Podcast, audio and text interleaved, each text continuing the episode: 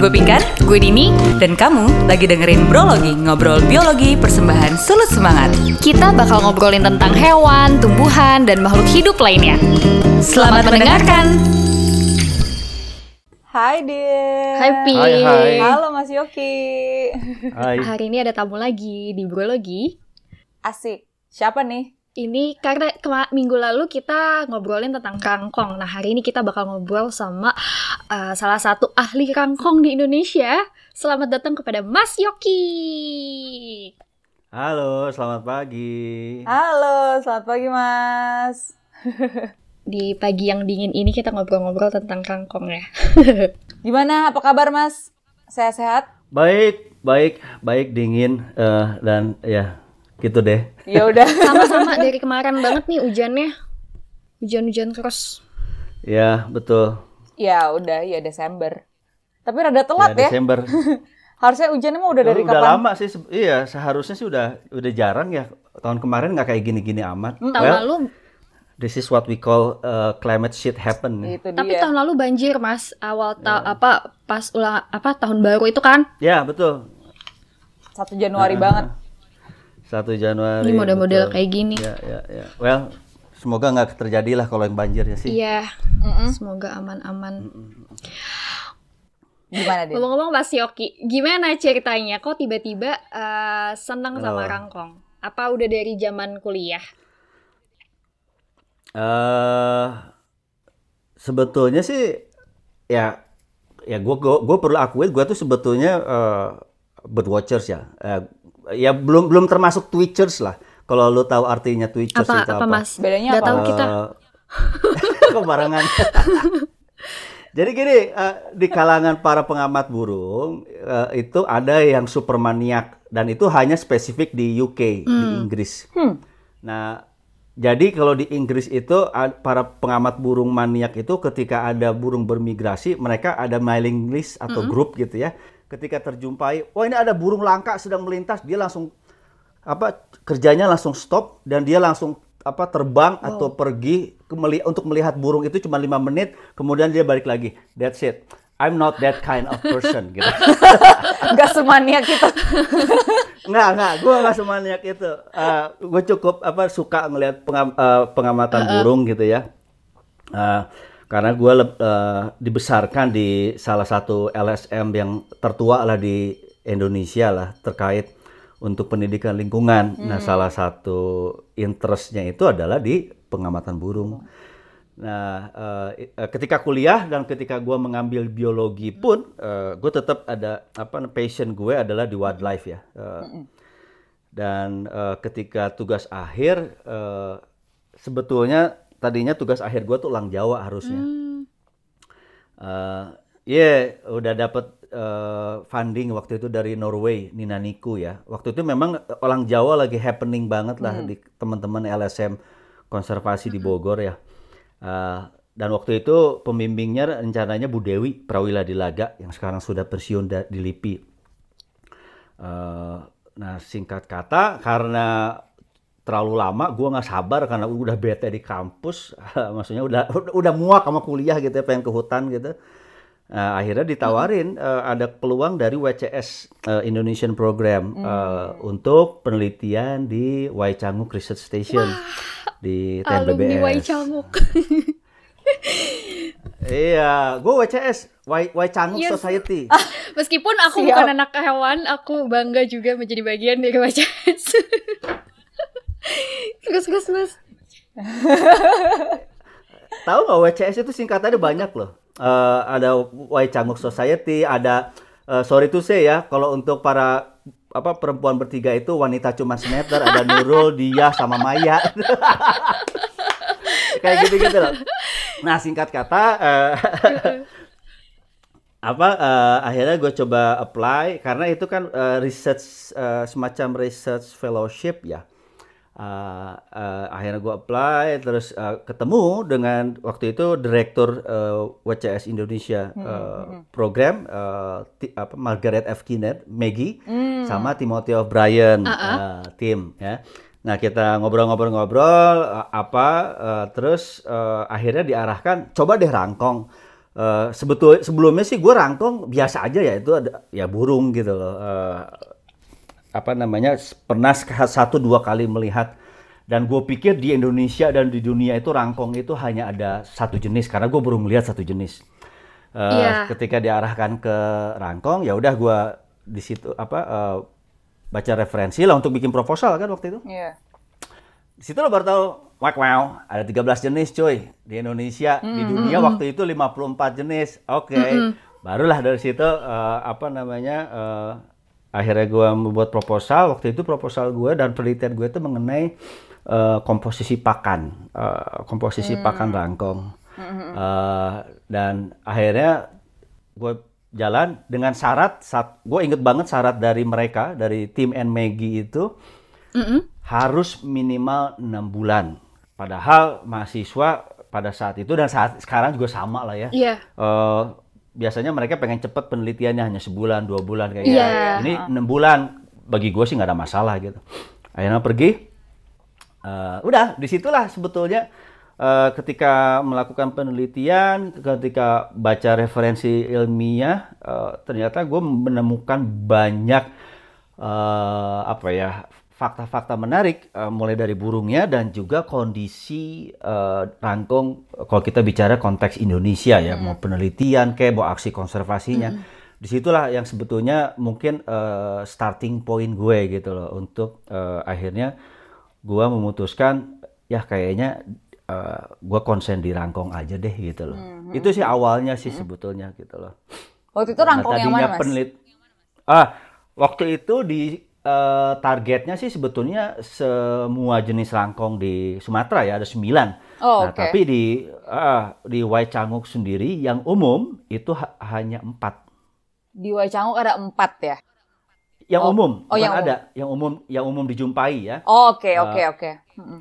Ah karena kan di Waicanguk itu kan dia udah permanen plot ya ada eh, line transect Mm-mm. dan jadi enak ya jadi pekerjaan gue tiap hari selama enam bulan itu eh, jalan pelan-pelan dari setiap transek eh, panjang transek itu 2 kilo totalnya tuh ada berapa ya sekitar 16 gitu Mm-mm. nah itu yang gue lakuin dan di situ lah bisa ngelihat eh, jarak dekat sampai termasuk perjumpaan pertama gue dengan rangkong gading Wih. Eh, Oke. oh iya di situ Uh, Eh, karena pertama kali masuk, eh, eh, ya itu, gue tahun cuman waktu itu pernah melihat eh, julang emas di Gunung Halimun waktu itu dan pernah melihat ah. rangkong badak di ujung kulon kalau nggak salah ya, waktu apa namanya sebelum ke WCS. Udah, that's it, itu doang gitu. Ketika jalan, gue inget banget di bulan pertama tuh di bulan pertama penelitian jalan, udah gitu dapat asistennya juga orang baru asisten yang apa yang dampingin juga dia totally blank tentang Iya, iya. rangkong kayak gitu. Nah, jalan pelan, ya itu gue inget banget masih segar ingatan sampai sekarang eh, ngedengar ada suara ketawa ketawa. keras banget. Heeh. Iya, tertawa gitu. Oh. Seperti itu kan, anjir Iya, gue di iya, tengah iya, hutan gitu loh. In, in the middle of nowhere. Iya, terus terus nanya ke asisten, namanya Waryono. Apaan tuh, Le? War. Oh, itu siamang. Oh, oke, gue jalan. Iya, kan nggak tahu kan. Iya, iya, gue iya. jalan, Iya. pas jalan dia terbang di atas gue. Terbang di atas gue dan mencok kemudian bersuara lagi. Oh my god, that is helmeted. Iya. Dan dari situlah gue itu itu apa namanya? Itu membekas banget dan dari situlah Ajrit nih rangkong ajaib banget ya, Iya. the most weird uh, hornbill in the world gue bilang. Uh, dan dari situlah uh, apa namanya uh, yang tadinya seharusnya enam bulan akhirnya pengambilan data gue setahun. What? Iya. Malah keterusan. Wah. Iya, jadi keterusan Betah terus ya. juga sang, saking gue pengennya tetap tetap dirangkong terus akhirnya eh, ke si Maggie, Maggie gue boleh nggak ngusulin bikin penelitian yang lain? Eh, karena gue menemukan banyak eh, sarang apa eh, rangkong bersarang kan eh, pada saat eh, karena gue satu-satunya yang waktu itu yang spesifik untuk rangkong yang intens lah. Boleh nggak? Dia bilang, oh ya udah laku, laku- lakuin aja dan eh, akhirnya itu yang jadi dipakai juga jadi program eh, apa eh, research station untuk mem- memantau apa eh, breeding behavior dan pattern dari rangkong di research station. Dengar-dengar sih sampai sekarang masih ya. Gitu. Itu sih panjang eh, sedikit panjang lebarnya. Kenapa gue tertarik dari rangkong dan kena starting pointnya. Gitu. Nih, by the way guys, sebelum lanjut tadi kita skip banget. Ini Mas Yoki ini siapa? Mas Yoki ini adalah nggak sekedar peneliti rangkong, gengs. Tadi kita skip banget, sorry. Jadi Mas Yoki itu adalah founder Rangkong Indonesia. Yang eh, kemarin Nah, eh, eh, kita banyak cerita tentang Rangkong itu sumbernya juga dari websitenya Rangkong Indonesia tuh, soalnya gampang banget. Rangkong Indonesia. Dan informatif banget, dibacanya juga gampang.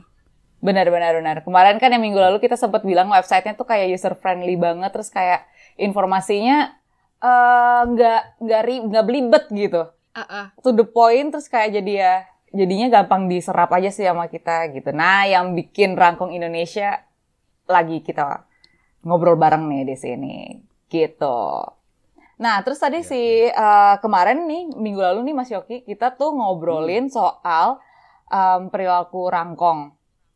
Terus kayak habitatnya, ha, jadi kayak generally kita kan em, ngomongin sebenarnya specifically mau ngomongin rangkong Sulawesi. Tapi ternyata kita menemukan kalau generally rangkong itu punya em, perilaku yang unik. Uniknya in a way kayak satu, ini karena kita cewek-cewek jadi kita meromani, meromantisasi perilaku Ya, betul. rangkong yang ternyata dia tuh monogami. Terus Ya. Nah, Monogaminya ini yang kita tuh- suka soalnya Mas. Kayak gini-gini kita suka nih. Ya. monogami itu se monogami kalau misalnya sang ayah tidak pulang itu ibu dan anaknya bisa mati. Tuh bener apa gimana tuh Mas? Ini dalam dalam proses memberi makan kepada anak yang baru ditetaskan gitu. Ya, eh, eh, by far eh, pengetahuan yang kita tahu eh, apa namanya untuk rangkong ini memang mayoritas ya eh, dia apa monogami hidup berpasangan. Dan eh, apa tapi kalau bisa di- di- dirinci lagi sebetulnya karena rangkong itu kan kalau dikelompokkan dalam ukuran eh, tubuh itu ada yang ukuran bisa dikatakan besar se- sampai sedang dan kecil. Nah, Oke. jadi yang yang eh, yang mungkin bisa dikatakan true monogamous monogamy eh, bird itu adalah yang eh, yang besar ya. Eh, sedangkan kalau yang kecil karena yang kecil itu dia eh, menerapkan pra- ya dia monogami juga cuman hidupnya kooperatif. Jadi bers- jadi eh, apa namanya bersama-sama. Nanti gue ceritain lebih lanjut. Nah, tapi memang betul dia monogami, eh, apa hidup berpasangan dan proses mencari pasangannya pun sangat menarik gitu ya eh, untuk menemukannya itu dan yang paling unik itu adalah selain monogami adalah kesetiaan. Aduh. Gimana tuh? Kesetiaannya adalah lu bisa dibayangkan karena rangkong itu semua 32 jenis rangkong di Asia itu ketika bersarang membutuhkan lubang pohon. Oke? Iya. Lubang pohonnya ini harus alami karena mereka tidak bisa membuat lubangnya. Oke? Right. Meskipun ukuran ya ukurannya besar dan lain-lain. Ketika mereka menemukan eh, apa namanya lubang yang sesuai, itu si betina akan masuk ke dalam dan akan menutup lubangnya dan hanya menyisakan paruhnya aja ya, untuk mengambil makanan dan mengeluarkan eh, fesesnya atau kotorannya. That's it. Jadi literally Oh, dia ada di dalam terus ya? tuh. Nggak akan keluar. Mulai dari 45 hari sampai yang terlama tuh hampir 6 bulan. Uh, oke. Dan dan yang yang per- terlama itu guess what? Guess who? The helmeted hornbill, the most weirdest hornbill. Itu yang paling terlama. Nah, selama proses itu yang mengantar makanan itu yang jantan. Mhm. Nah, ketika si betina masuk ke dalam, eh, ya sebetulnya kan kalau dilihat rangkong itu masih apa ya? Kalau kita bicara ya paling apa dari umur ya, termasuk burung yang eh, primitif dan lumayan tua. Eh, ciri khasnya adalah burung ini masih membutuhkan perlindungan tambahan untuk memastikan eh, telur dan anaknya itu berhasil ya. Eh, kalau burung yang modern kan contohnya kayak burung gereja, dia cuman telurnya tuh bisa di open air gitu ya. Nah, ketika mereka sudah masuk ke dalam lubang, nah itu sebagai perlindungan, selain perlindungan predator, eh, apa, termasuk juga menjaga eh, temperatur yang ideal untuk menetas dan sebagainya. Nah, untuk menjaga itu, bulunya, terutama bulu premier, eh, primer, sorry, primernya itu dia meluruh, molting Hmm. Copot gitu ya, Mas. ya untuk menjaga kehangatan ar- ya eh, rontok nah artinya ketika rontok itu biasanya karena di bulu primer dia nggak bisa terbang Hmm. kalau katakanlah Mm-mm. ini kok jantan nggak datang-datang eh, nggak ngasih makan gitu ya kalau pas di awal-awal betinanya keluar dia pun nggak bisa terbang Oh my god. Oke. nah di situlah sebetulnya yang menjadi eh, kerentanannya gitu Iya, loh iya, kerentanannya nah makanya si jantan ini sangat setia dia eh, apa namanya ha- pasti harus mengantarkan harus. makanan dan eh, makanannya juga yang sesuai kebutuhan. Iya. karena kan saat berbiak ya bertelur. Jadi apakah dia butuh protein kayak gitu-gitu itu fungsi si jantan. Nah jadi artinya kesetiaan itulah gitu loh. Nah itu kalau yang berhidup berpasangan yang monogami. Kalau tadi gue bilang ada yang berkelompok nah ini pun menurut gue kalau kita ngelihat dalam kehidupan kita lah manusia menurut gue rangkong juga contoh yang baik baik untuk keluarga. Kakak adik ayah ibu. Kalau untuk yang berukuran kecil nanti yang nganter makanan itu bukan ayahnya doang tapi adik-adiknya kakak-kakaknya itu dia nganterin. Wow. kakak beradik itu nganterin. Gemes gitu banget. loh itu gitu loh. Dan uh, itu yang menarik gitu ya kalau kita bicara perilakunya gitu Tapi itu termasuk yang disebut communal breeding nggak, Mas?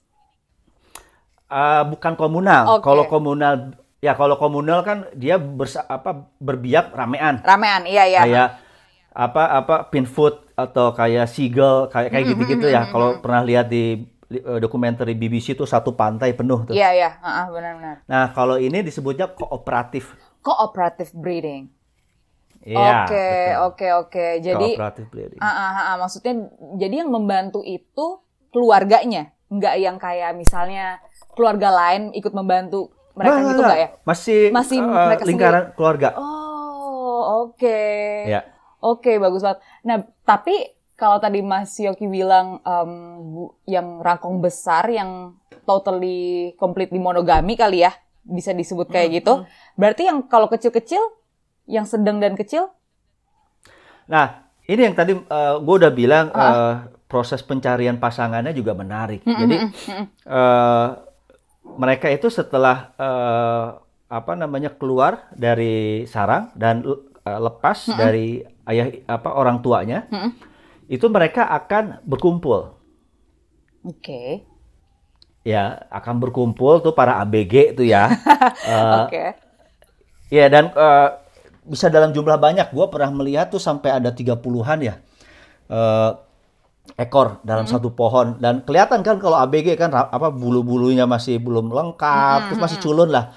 Terus paruhnya juga masih ya kayak gitulah. Nah, interaksi di situlah sebetulnya mereka juga eh, proses pembelajaran, proses pembelajaran untuk mencari makan termasuk cari pasangan. Oh gitu. Gitu. oh, oke. Gitu.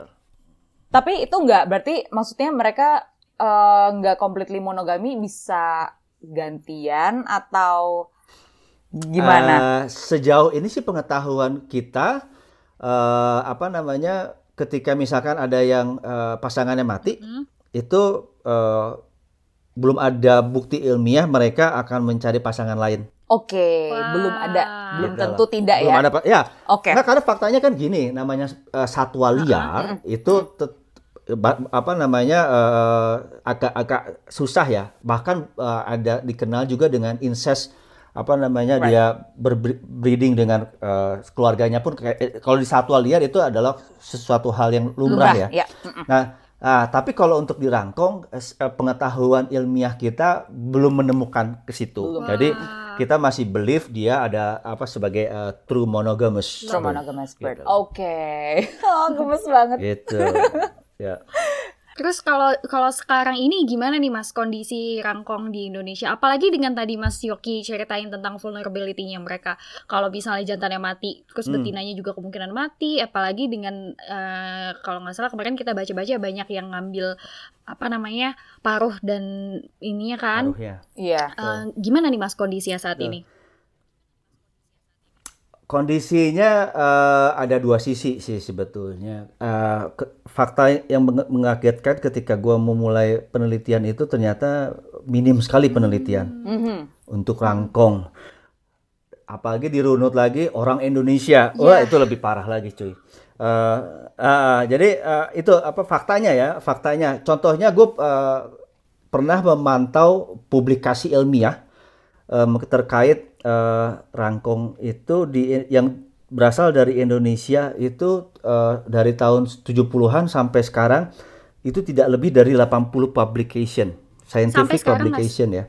Termasuk sampai sekarang. Dan gue udah memetakan per jenis, per subjek dan sebagainya gitu ya. Eh, dan itu sangat minim. Apalagi kalau misalkan dirunut ol- oleh orang Indonesia gitu. Nah eh, itu kalau eh, bicara pengeta apa upaya eh, research ya. Kemudian kalau mengenai apa namanya eh, kondisi di alam, tadi yang gue ceritakan di Waicanguk mengenai eh, research station yang apa namanya populasi rangkongnya bagus, terutama untuk rangkong gading ya. Gue di Waicanguk lah pernah melihat rangkong gading itu lebih dari berapa? Eh, hampir 10 pasang Wow. gitu dalam satu pohon. Wow. Ya, dan eh, setiap hari tuh kita mendengar. Suara mereka. eh, tapi eh, ah, eh, lima tahun terakhir, gue dengar dari kawan-kawan sana, udah dengar sekali aja udah beruntung loh. Oh my god. Dan itu akibat perburuan. Padahal itu udah maksudnya itu Gitu. kan di dalam taman nasional yang sudah dilindungi gitu Iya. ya. Oh, bukan di jaminan. yang Iya, bukan dilindungi? Right, right. Iya, mm-mm. betul Mm-mm. gitu loh. Nah, apa namanya? eh, itu sebagai contoh kecil ya. eh, dan dari semua jenis rangkong, eh, satu hal yang menarik, rangkong ini memang dari zaman dulu sudah diburu. Semua hampir semua jenis rangkong ya, karena ukuran besar eh, menarik perhatian orang gitu ya, sehingga dipakai simbol-simbol ri- apa mistis lah oleh manusia dalam kebudayaannya gitu ya. Eh, relik rangkong tertua by far kalau di Indonesia itu ada di Candi Prambanan. Ke- ada Iya, Gang iya, iya. Cula ya.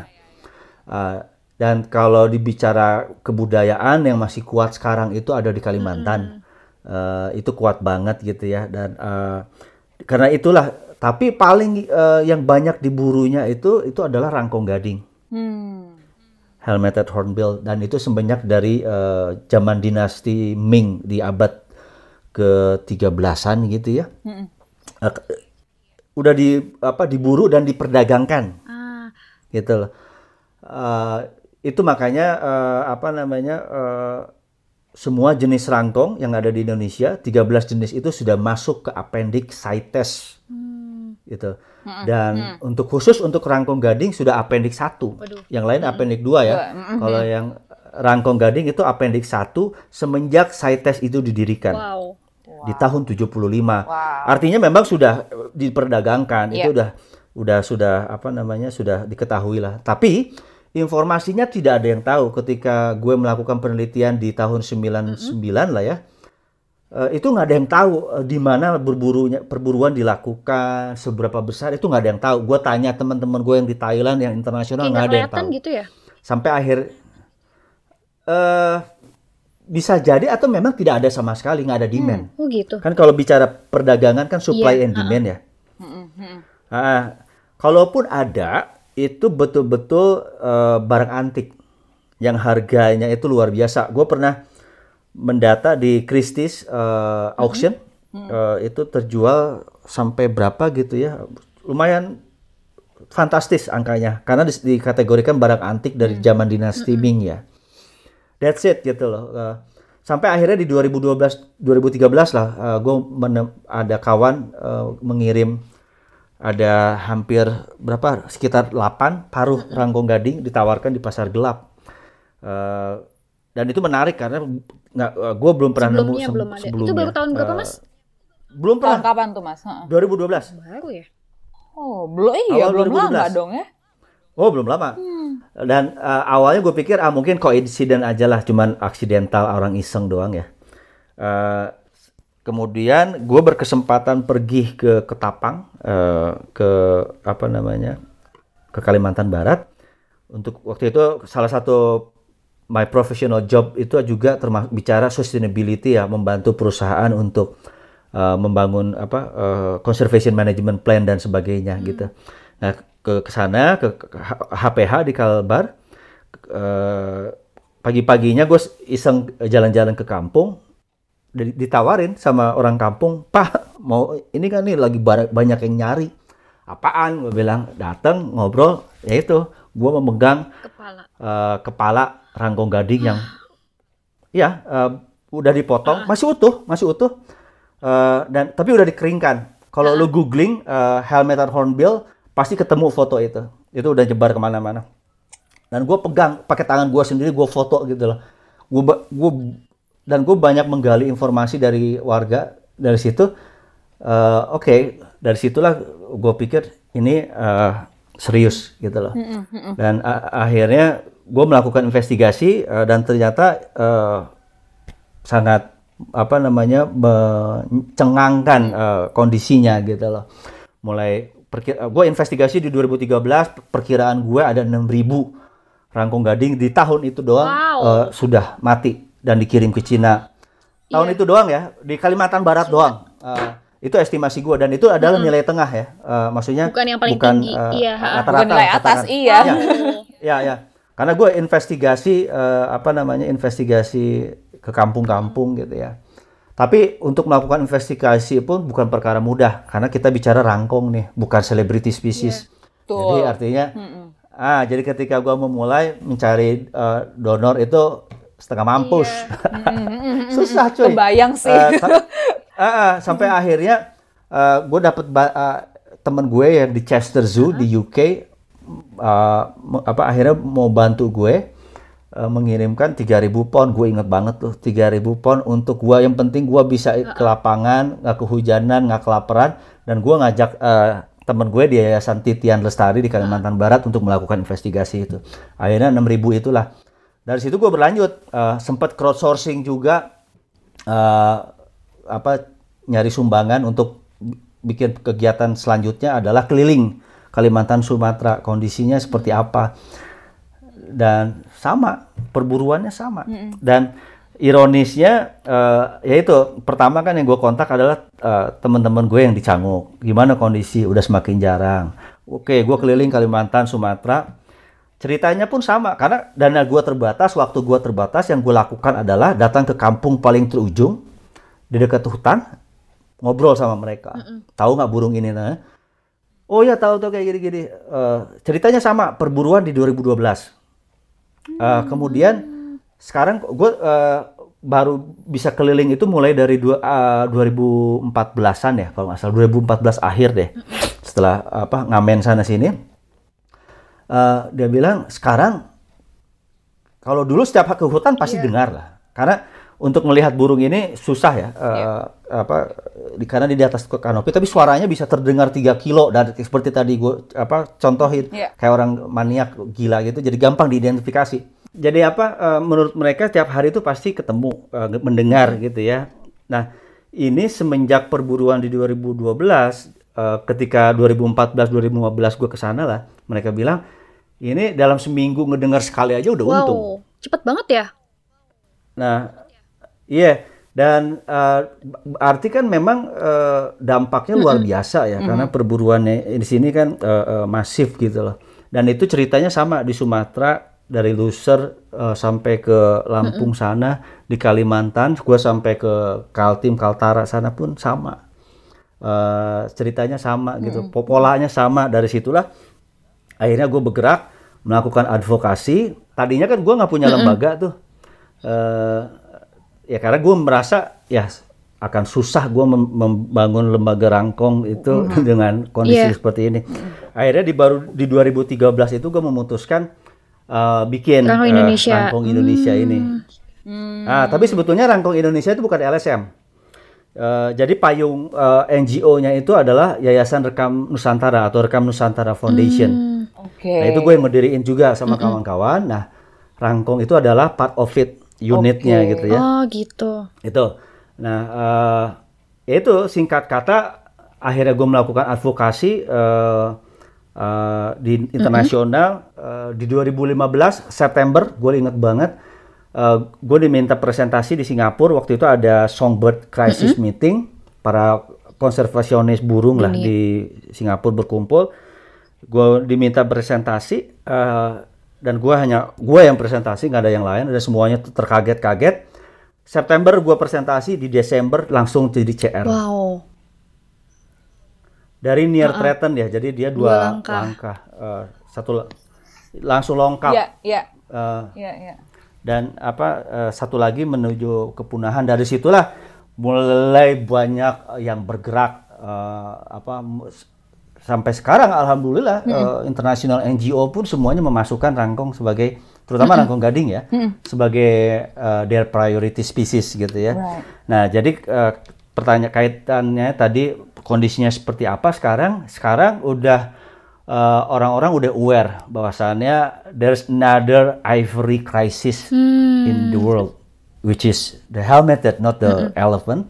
Dan kemudian ini juga eh, apa namanya ada jenis yang perlu mendapatkan prioritas. Jadi sekarang kondisinya uh, sudah sangat uh, positif gitu ya. Uh, uh, juga mulai dari banyaknya lembaga gitu, termasuk pemerintah Indonesia. Gue harus menyampaikan apresiasi juga Uh, karena tanpa mereka juga mungkin uh, apa namanya tidak akan berubah gitu. Karena kenapa? Karena ketika bicara isu rangkong gading itu kan bicara perburuan ya, ilegal, uh, internasional. Karena ini pangsa pasarnya Tiongkok, Iya. period. A- Artinya instrumennya itu adalah di CITES. Ya. Nah, waktu itu memang di tahun 2016 akan ada Conference of Parties uh, CITES di uh, Johannesburg waktu itu di uh, South Africa ya. Nah, Nah, gue bersama kawan-kawan yang di internasional mencoba gimana nih? Karena kalau CITES itu hanya pemerintah, hanya negara yang bisa Iya. eh, masuk gitu ya. Beda seperti I- I- ASEAN, kalau ASEAN bisa lembaga ya. Nah, akhirnya eh, kita nyiapin proposalnya. Gue inget banget tuh eh, in the last minute. Jadi misalkan hari ini tuh deadline untuk mengirimkan proposal dari Indonesia, dari negara-negara anggota CITES gua datang ke ke Manggala ketemu Bu Ratna waktu itu yang apa dit konvensi Bu ini ini terus dia ter, Sanggi itu terpelongo apaan tuh rangkong? Jadi gua harus karena memang pengetahuan sendiri Iya, masih minim. Iya. ya akhirnya gua apa namanya lagi. eh, eh, eh, pitching lagi. kan ini kayak gini gini gini gini. Oke. Eh, kata dia, oke kalau misalkan ini adalah memang kebutuhan dan memang kondisinya seperti ini, saya akan itu juga. Akhirnya pro- proposal diperbaiki in the last minute akhirnya dikirim dan diterima oleh sekretariat. Dan pada saat COP pun akhirnya gue bela-belain cari ngamen lagi supaya gue bisa pergi. Karena kalau nggak didampingi kan eh, susah ya tanpa ada pengetahuan. Ya. akhirnya eh, ke sana juga eh, kemudian kita bikin side event juga untuk membangun eh, pemahaman para pihak terutama China. Karena politiknya juga dan di, situ juga gue belajar eh, apa namanya eh, politik an- eh, konservasi perdagangan satwa liar ini. Nah eh, akhirnya kita bikin side event dan akhirnya eh, ketika dibacakan eh, proposal itu, proposal itu diajukan untuk decision dan resolution. Jadi eh, itu dua hal yang berbeda. eh, apa namanya kalau kalau tidak salah decision itu hanya berlaku eh, satu tahun, resolution itu selamanya, kecuali nanti akan di revoke kayak gitu-gitu. Dan amazingly lolos.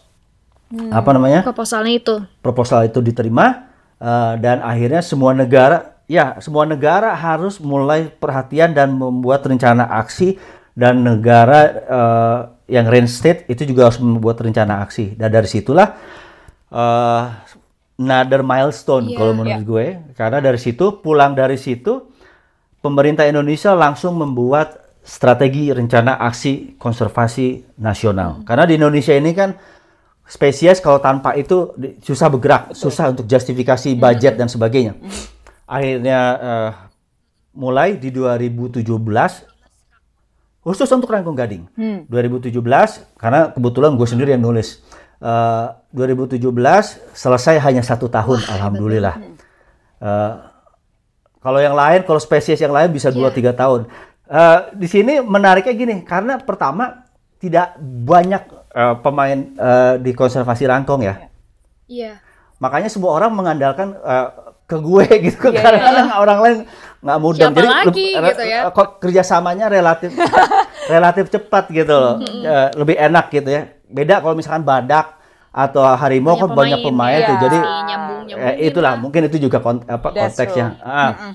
Ya, betul. Akhirnya serak selesai di 2018 di launching, ditandatangani oleh Ibu Menteri, dan akhirnya sepakat eh, payung dari serak rangkong gading ini juga nantinya buat rangkong ke-12 jenis rangkong lainnya. Lainnya. Mm, mm, mm. Ah, karena kan semua jenis rangkong kan udah dilindungi ya. Ya.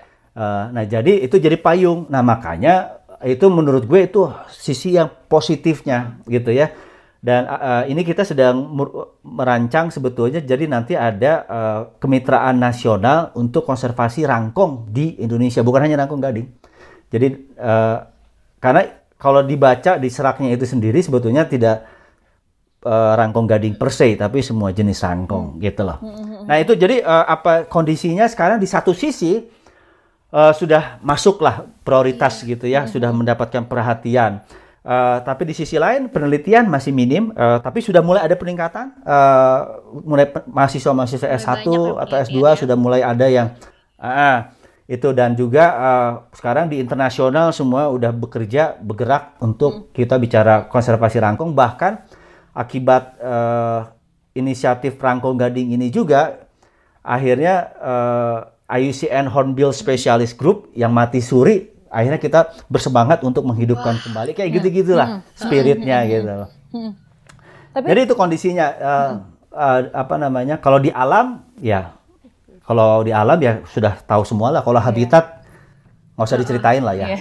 Eh, Iya, iya, iya. tapi yang jelas kalau perburuan masih terjadi, yang terha- terakhir itu kan dua bulan lalu yang tertangkap di Aceh, Eh, dan artinya masih terjadi eh, mungkin berkurang karena jumlahnya tidak ada, Iya. apa burungnya sudah susah, gitu loh. Itu mungkin kurang lebih Gila, kondisinya. aku Tapi ke eh, dengerin cerita Mas Yoki dari awal banget pertama kali ngeliat gitu ya waktu zaman kuliah sampai akhirnya benar-benar melakukan sesuatu untuk eh, Right. suatu hal yang dia senangin. Ini aku tuh dengerinnya sampai merinding gitu loh Mas. Sampai akhirnya beneran ada kebijakan sampai ke internasional buat presentasi iya, pitching eh, tentang betapa udah bahayanya banget nih populasi rangkong gitu ya. Bahwa eh, Hmm. Aku rasa ini juga salah satu bentuk atau contoh upaya konservasi yang ada progresnya gitu loh. Karena em, meskipun memang secara di alam mungkin masih masih belum kelihatan gitu ya, tapi secara policy dan secara eh, apa upaya-upaya yang dilakukan tuh kelihatan perubahannya dan salah satu bentuk apa kalau di Twitter tuh ada conservation optimism gitu ya. Cerita-cerita eh, eh, Oh ya, iya, iya. jadi iya. kayak kita aku aku sedang banget dengerin cerita ini ya.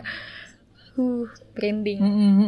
Dan satu hal sebetulnya kalau menurut gue yang eh, kadang kita kawan-kawan lah ya, eh, baik mahasiswa yang baru mau mulai merintis karir atau yang sudah se- agak senior itu terkadang nggak mau keluar dari zona nyaman. Artinya gini loh, ketika lu eh, pengen di species conservation, ketika misalkan lu menemukan misalkan terenggiling atau apa, tapi memang bukan celebrity species, ya go for it gitu loh. Maksudnya determinasi lu akan menentukan gitu loh. Eh, terlepas apakah akan terjadi di masa lu atau di masa orang lain, it doesn't matter gitu loh. Artinya eh, kita juga harus mulai memperhatikan eh, satwa yang terkesampingkan gitu Iya. loh. Karena mungkin ya Iya. Gitu. Jadi maksudnya jangan di zona nyaman di spesies selebriti mulu. Banyak saingan juga sih Iya. sebetulnya. gitu. ini tuh mirip sama cerita kemarin Reza Ping. Kenapa? Em, Iya makanya, makanya kayak ali-ali ini atau enggak orang, at least orang yang passionate itu, terus abis itu ngejalanin passionnya itu pasti ceritanya punya garis merah yang sama gitu. Terus kayak ya ada aja outputnya. Iya. Itu inspiratif juga sih si Reza kemarin. iya, eh, Sama sih, menginspirasinya nih mas? Ya, believe make it happen. Kalau Reza tuh masih baru lulus mas, jadi baru dua tahun lulus. Terus dia penelitian Nah. peneliti anggrek gitu. Nah ini kita ngobrol sama Mas Yogi tuh kayak ada contoh bahwa uh, kalau kita kayak percaya sama mimpi dan apa yang kita senengin itu ya Iya, ada ada iya. jalannya loh ternyata gitu ya. Mm-mm. Mm-mm, mm-mm. pasti ada jalan pasti ada jalan karena gini eh, ketika gua mulai pun eh, pertama sih ya jelas kalau dari sisi profesionalisme positioning is important right? Mm-mm. Betul. Eh, kemudian dari segi niche relung juga itu penting kan?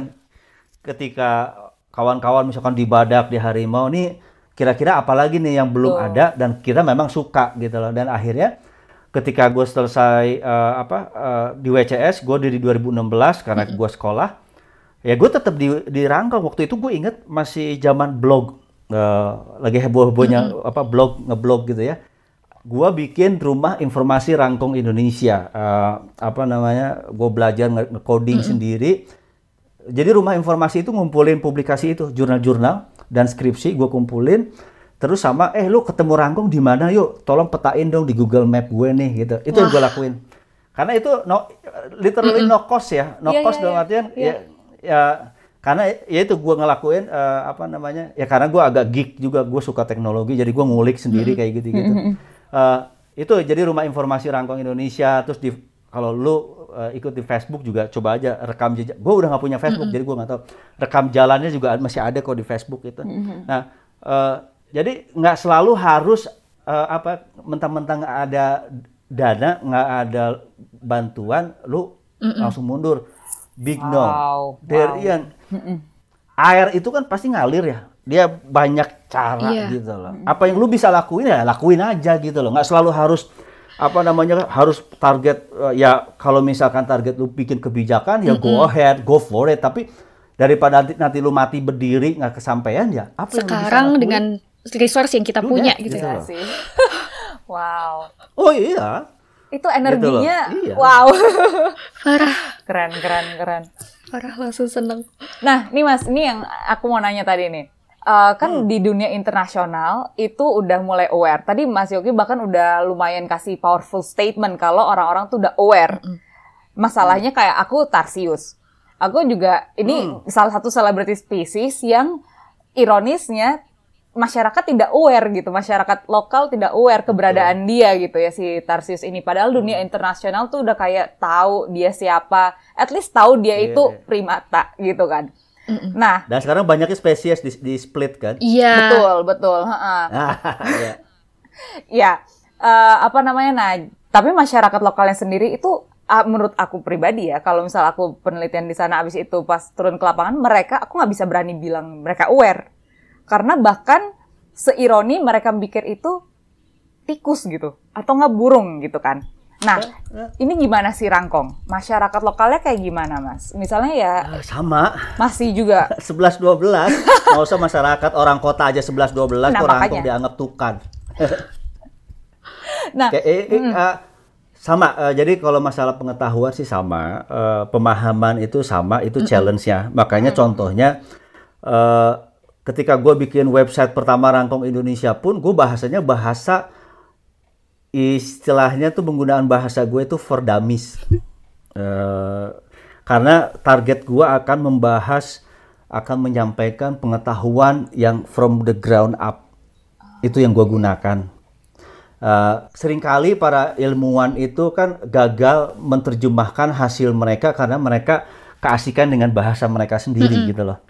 Uh, apa namanya? Uh, bahasa apa langitan mereka gitu loh. Sedangkan ya itu di masyarakat kan eh Iya. gitu, saya nggak nggak itu gitu. loh. Nah. M- makanya itu juga yang mendasari contohnya ketika gua mendirikan bersama kawan-kawan rekam Nusantara. Karena di lembaga itu kita melihat ada kita harus penelitian kita masih kurang di Indonesia tapi juga yang paling terpenting adalah bagaimana mengkomunikasikan dengan baik apa yang kita ketahui ke masyarakat. Makanya di di lembaga gue itu ada juga eh, documentary film. Kalau pernah dengar Indonesian Nature Film Society itu juga part of it. Sekarang kita baru mulai lagi dengan hiu dan pari apa untuk eh, uh, kayak gitu-gitulah. Nah, balik lagi ke tadi bicara uh, uh, pengetahuan, ya di masyarakat juga sama gitu loh. Mereka taunya rangkong aja satu jenis meskipun di Kalimantan misalkan ada delapan, ya taunya hanya satu. That's fine, uh, nothing wrong with that gitu ya. Nah, kita harus perlahan menyampaikan uh, tanggung jawab kita nih, misalkan dirimu untuk uh, di apa uh, Tarsius gitu ya.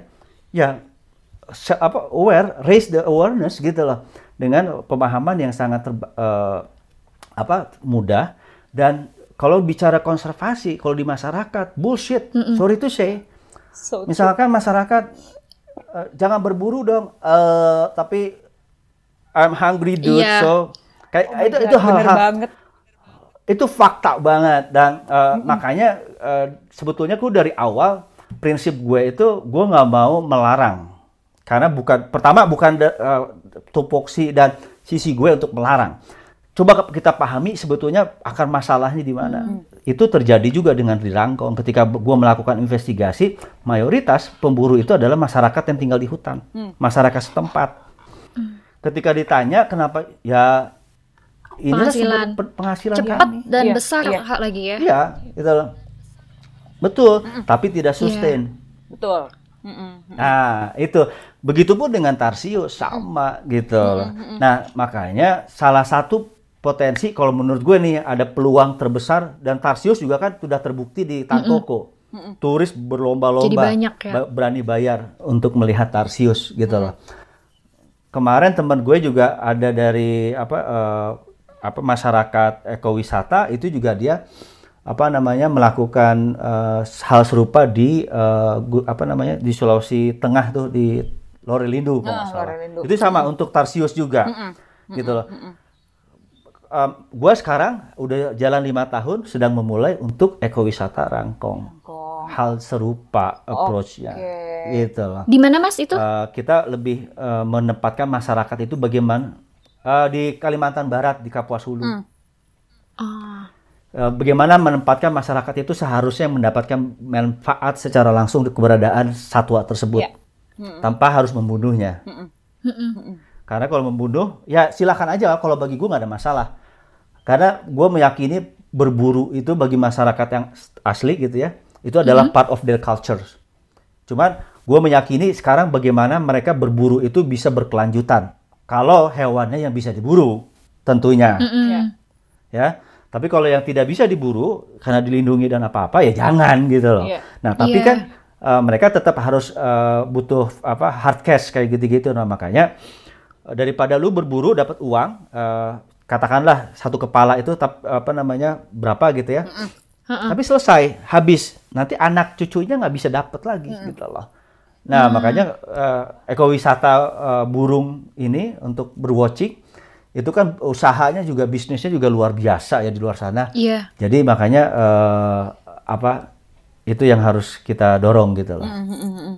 Jadi saat ini approach yang lagi dijalankan adalah seperti itu ya Mas ya. Maksudnya kayak Ya. akhir ekowisata, ya birdwatching gitu Ya. instead of Dan tetap penelitian, tetap penelitian juga kita Iya. bahkan kita baru selesai survei terbesar yang pernah ada di Kalimantan. Eh, eh, baru ini kan eh, di tahun 2019 kita baru selesai. Mm-hmm. By far itu terbesar dan pertama di Kalimantan. Pulau Kalimantan di Indonesia Malaysia ya. Gitu.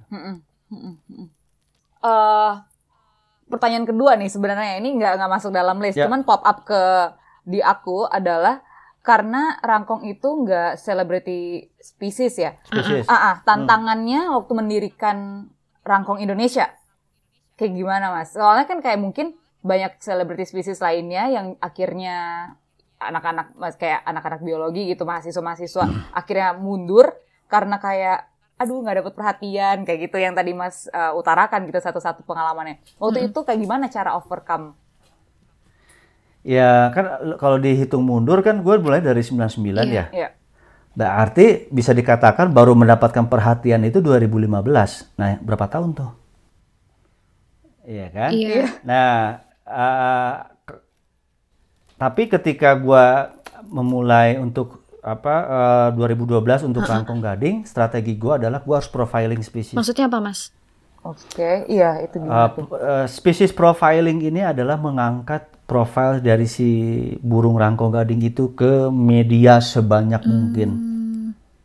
Dan ke publik. Expose. Oke. sebesar mungkin in apa dalam berbagai kalau ditelusuri kan pertama kali gue di wawancara apa muncul pertama kali itu di, di Guardian kalau nggak salah Aha. Eh, diwawancara oleh si Robert He itu ada dia pertama kali itu tadinya sih gue nggak mau ya tapi gue gue ngelihatnya nilai Iya. strategis nih ini di Guardian jurnal apa namanya eh, media internasional ya udah apa namanya eh, gue pakai itu momentum dari situlah langsung Tep tep tep tep tep jalannya ya. Hmm. apa eh, domino ya. Ah, ah. seperti itu. Jadi eh, profiling spesies dan harus punya strategi komunikasi yang kuat. Beruntungnya gue di di lembaga gue eh, yang gue dirikan itu juga banyak kawan-kawan yang kuat gitu ya. Eh, salah satu pendirinya juga chief editor Mongabay Indonesia ada di situ. Kemudian ada eh, apa Indonesian eh, documentary filmmaker juga ada di situ. Jadi gue beruntung gitu. Iya, tapi tapi bukan berarti itu juga yang apa menjadi kunci hanya kunci kesuksesan kan? No no juga. Kalau lu nya nggak jalan juga lu Iya. dikelilingi Karen orang juga nggak ada bagus gunanya juga ya. nggak akan jalan gitu loh. Iya. Betul, betul. Itu loh. Jadi itu species profiling itu yang pertama. Jadi diangkat dulu. Hal-hal yang menyenangkan kalau gue di awalnya sebetulnya Facebook dulu tuh, Eh, Facebook bikin grup hal-hal yang menyenangkan aja. Eh, kemudian di Instagram gitu ya, gue jalan ke sini, eh gue ketemu ini loh, sharing gitu aja. Yang, yang kalau apalagi sekarang ya Iya. gampang banget loh, membangun interaksi eh, kedekatan itu gampang banget, gampang banget kok. Hmm. Wow, ini sungguh inspiratif tau gak sih pagi-pagi gini? Iya, ya ya berarti Yayasan Rekam Nusantara ini dia akhirnya mengeluarkan Kangkong Indonesia dan juga Invis ya Mas ya. Itu kan Indonesia Nature Film itu maksudnya Invis. Film Society. Jadi eh, tapi atasnya Ya, Invis betul. atasnya ini yang Yayasan Rekam Nusantara ya.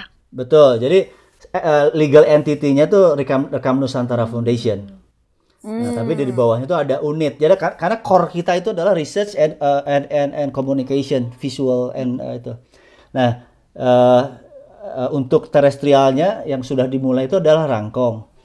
Kemudian untuk eh, marine, hiu dan pari. Eh, dan ini sedang baru mulai untuk sustainable fisheries eh, untuk yang isu marine. Kalau untuk yang komunikasi itu ada kita ada tim komunikasi dan untuk eh, Nature Film Society-nya itu. Itu. Jadi itu unit ya, unit kerja gitu loh. Wah gila. Jadi poin-poin pentingnya satu lagi adalah mungkin kolaborasi dengan orang-orang yang banyak pihak Oh, gitu iya. yang bukan cuman peneliti sesama peneliti gitu ya Mas ya. Oh Iya, iya. iya, iya. Betul, betul. Apalagi kalau kita mau men- menjangkau eh, audiens ya, publik ya. Harus. Ya. Waktu itu punya punya kesulitan tersendiri nggak menjangkau pemerintah? Pemerintah gampang-gampang sulit sih sebetulnya. Tapi yang jelas kan kita selalu positive thinking aja deh. Eh, prinsip gue ya, eh, kalau hanya melihat negatif, lu bakal menemukan yang negatif terus. Wow. Tapi kalau lu berpikir positif, eh, lu bakal menemukan hal yang positif. Meskipun lu didah- di, di, dihadapin dengan 10 negatif, satu positif. Hmm. Wow. Gitu lah. Itu sih yang kalau kalau gue ya eh, apa betapapun itu eh, tetap eh, kita eh, menempatkan pemerintah itu adalah sebagai eh, mitra utama, sebagai apa pe- pem- pembuat perubahan utama gitu. Kita hanya pembantu. Uh, kita membantu karena mereka tetap kuncinya makanya like or not uh, bad or good good or bad ya kita harus uh, dukung gitu loh. so far sih kooperatif ya so far kooperatif uh, dari semua CITES yang di Johannesburg yang terakhir kemarin di apa di uh, Swiss kemudian semua rangkaian itu juga semuanya alhamdulillah dan ini rencana juga kita terus mengawal ini semua kan karena masih belum selesai gitu loh. Lagi-lagi merinding dengan cerita, dengar ceritanya. Keren banget sih. Terus gimana nih Mas eh, buat orang-orang awam kayak kita ini eh, gimana caranya kita bisa membantu Mas Yoki untuk melestarikan kangkong? Iya. Eh banyak sih. Ya, yang paling termudah sih spread the news lah ya. kenapa sih kita eh, ya eh, membantu untuk mem- memberikan penyadar, penyadar tahuan lah Ya, kalau memang udah sedikit tahu gitu ya Eh, dan kalau gue dari awal prinsipnya any help support most welcome. Jadi eh, apa pun itu bahkan ada yang menyumbang eh, eh gue cuma bisa gambar nih. Dia kerja di eh, apa Natural History Museum di London. Gue cuma bisa skate gue skatein dia rangkong gading. Oh ya nggak apa-apa gitu. Tapi gue nggak bisa gue nggak bisa ngasih uang atau eh, gue nggak itu juga akhirnya dia ngirim terus sekarang jadi kaos kayak gitu-gitu. Terus ada juga yang nyumbang. Bahkan gue eh, nah ini fenomena yang menarik juga sekarang eh, di zaman teknologi itu kan dengan crowdsourcing ya. Crowdfunding sorry. Gue pernah juga itu eh, dapet 3000 dolar udah kayak crowdfunding. Gila kebayang gak sih lu sekarang? Orang bisa nyumbang 2 dolar 1 dolar to make it happen Yeah. on your purpose gitu loh for your cause gitu loh. Dan uh, itu juga menurut gue uh, menarik gitu. Dan uh, dan itu ha- yang harus disebarkan ke kawan-kawan. Itu uh, optimism it's a must gitu. Dan uh, determination dan masih banyak juga uh, bukan hanya spesies juga hutan manusia itu banyak. Dan ya kalau nggak kita siapa lagi sih gitu loh. Ya, apa namanya itu aja sih uh, spread uh, the news about that. And uh, pemikiran itu aja sih sebetulnya gitu. kalau mau bantu lebih lanjut mau nyumbang kayak monggo. Kalau mau nyumbang doa juga monggo ya. Nyumbang Iya, karya itu boleh. sih nggak nggak nggak karya boleh. Nggak nggak itu kok gitu loh. Itu sih. Ikutan peneliti, jadi peneliti di Rangkong Indonesia juga bisa. bisa bahkan sih sebetulnya kita sih berharap pengen ngajak sebanyak mungkin orang merasakan sensasi ketemu rangkung gading bahkan ketemu so- dengar suaranya live gitu loh Iya, iya, Eh, iya. mudah-mudahan Iya, setelah iya, pandemi lah Bisa nanti uh, gua buka trip Iya iya iya iya. Iya, Nanti semoga kita bisa ikutan ping barengan. Iya, iya. Oh, di Tangko, Iya, iya, iya. di Tangkoko aja denger kepakan sayap apa tuh yang Ah, North Hornbill itu aja, ya ampun udah magical Iya. banget gimana yang di itu Yang- yang apa Knob Hornbill tuh the most beautiful and the most cartoonish hornbill Iya gitu. sih. warnanya kan kayak Cantik ya. kayak apa namanya kayak Ceria dummy banget. banget ya Iya, gitu. iya, iya. iya iya iya Iya itu aja udah udah udah eh gitu gimana yang di yang yang rangkong gading oh my god boleh banget mas nanti diinfokan Iya. kalau ada open Siap. trip siap, siap Kalau teman-teman mau Instagram ya, ya. Kalau teman-teman mau menghubungi Mas Yoki bisa ditemukan Iya, di mana nih Mas? Eh, ya di Rangkong jelas di website itu Ya. kalau nggak di Instagram ya eh, di Instagram Hornbill Man Hornbill Man. Oke, aku belum follow. Nanti kita follow ping. oke ya kita follow ha, ha, ha. Rangkong Indonesia punya Ya, di Instagramnya sendiri mas ada Rangkong ID semua sosial ID. eh, media kita eh, Rangkong ID Facebook Siap. Twitter eh, itu sama semua Mm-mm. Choose follow gengs nanti gue dan Dini juga bakal Iya. follow siap siap Eh, ada ada lagi nggak ping lo masih punya pertanyaan nggak? Gue kayak kalau pertanyaan gue udah kejawab semua kayaknya. iya gue juga sih ha, ha.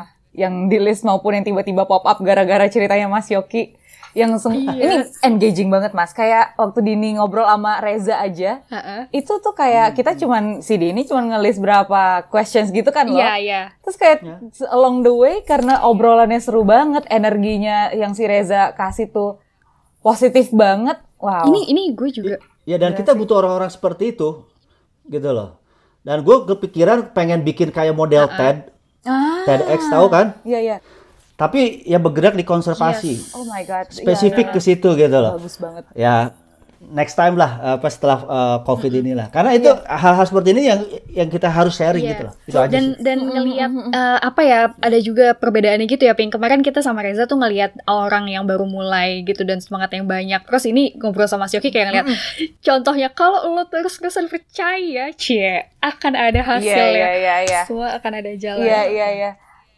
Tapi intinya emang keluar dari zo- zona nyaman sih. Iya. Itu kayak benang oh ya merahnya. harus berani harus berani ya berani dan percaya kali ya namanya oh ya Iya. dan uh, berani percaya kalau bicara rezeki kalau bicara ah kayak gitu-gitu mah Itu bakal ngikut ya mas ya? ah yoi nggak usah dipikirin Iya. dijalanin. True banget. Seneng. Makasih banyak loh Mas Yoki atas waktunya. Kita senang banget. Makasih Sama-sama, banget. sama-sama, sama-sama diberi kesempatan ngobrol-ngobrol podcast seperti ini.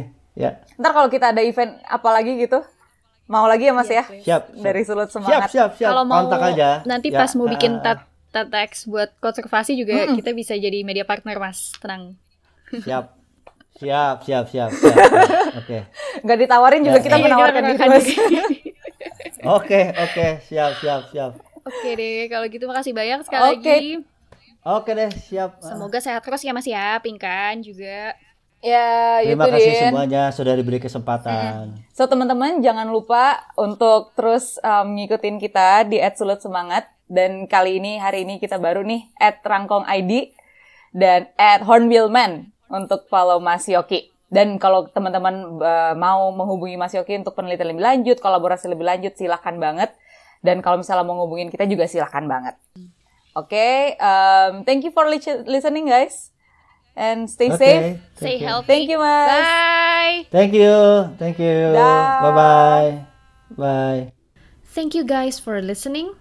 This podcast is sponsored by the United States of America, Young Southeast Asia Leaders Initiative Seeds for the Future 2020 grant, and the Culture of Vistas. Music composed by Joseph Morris.